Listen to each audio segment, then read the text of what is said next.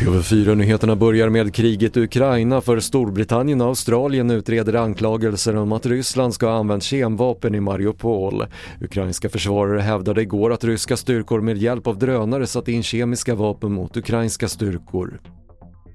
En tidigare centerpolitiker misstänks för brott mot rikets säkerhet och han ska också ha kartlagt och trakasserat en chef på Försvarsmakten, rapporterar SR. Ex-politikern misstänks även vara en del av ett nätverk som kartlagt och delat hemlig information om militära anläggningar. Och Finansinspektionen ska se till att det städas upp bland fonder som utger sig för att vara hållbara och att de lever upp till nya hårdare EU-krav.